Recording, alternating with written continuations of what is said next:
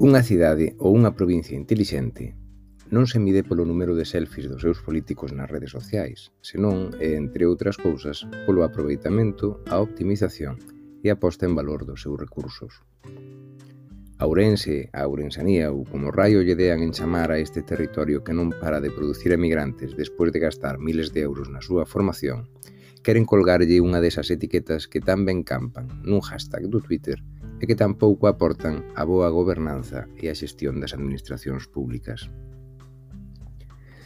Mentres vemos como esmorecen os recursos que deberían situarnos como potencia mundial na produción de lousa ou castaña e na posesión de surxencias termais ou patrimonio románico,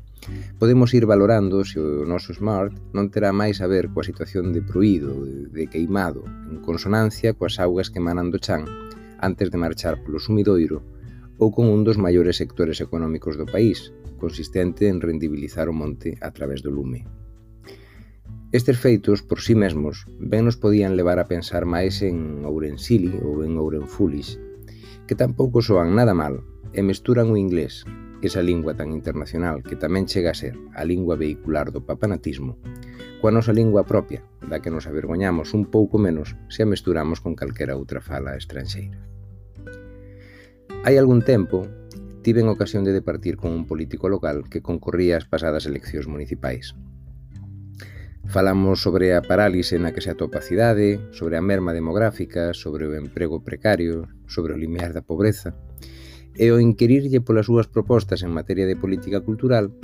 atopeime coa desafortunada resposta, e non por iso menos habitual, de que eles non querían facer política, e, e moito menos coa cultura. Chegados a este punto, eh, saltaron os ollos das órbitas o emoji no que se converteu xa a miña área de broca antes de decatarme que ese é o nivel no que está desenvolvéndose a partida. Os políticos renuncian á política.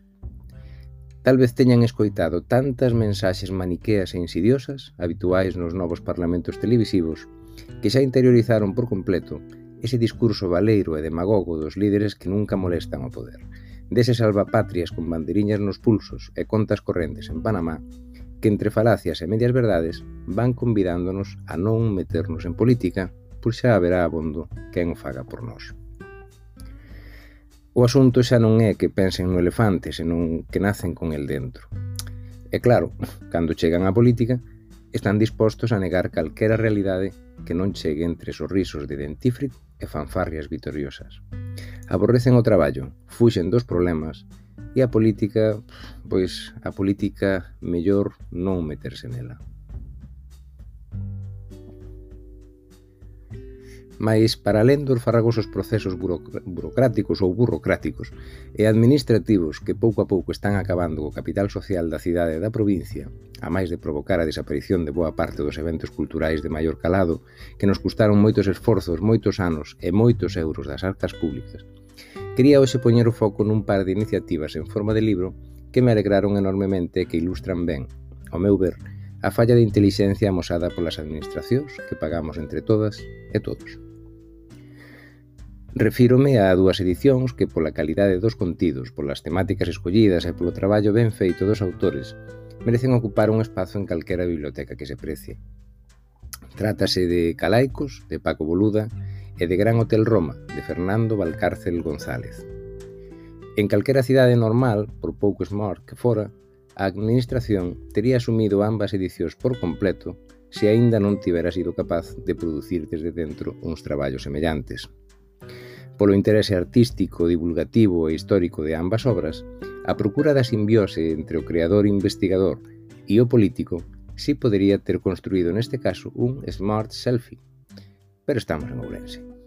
entre os políticos que non queren facer política e os que só queren facer política para os seus,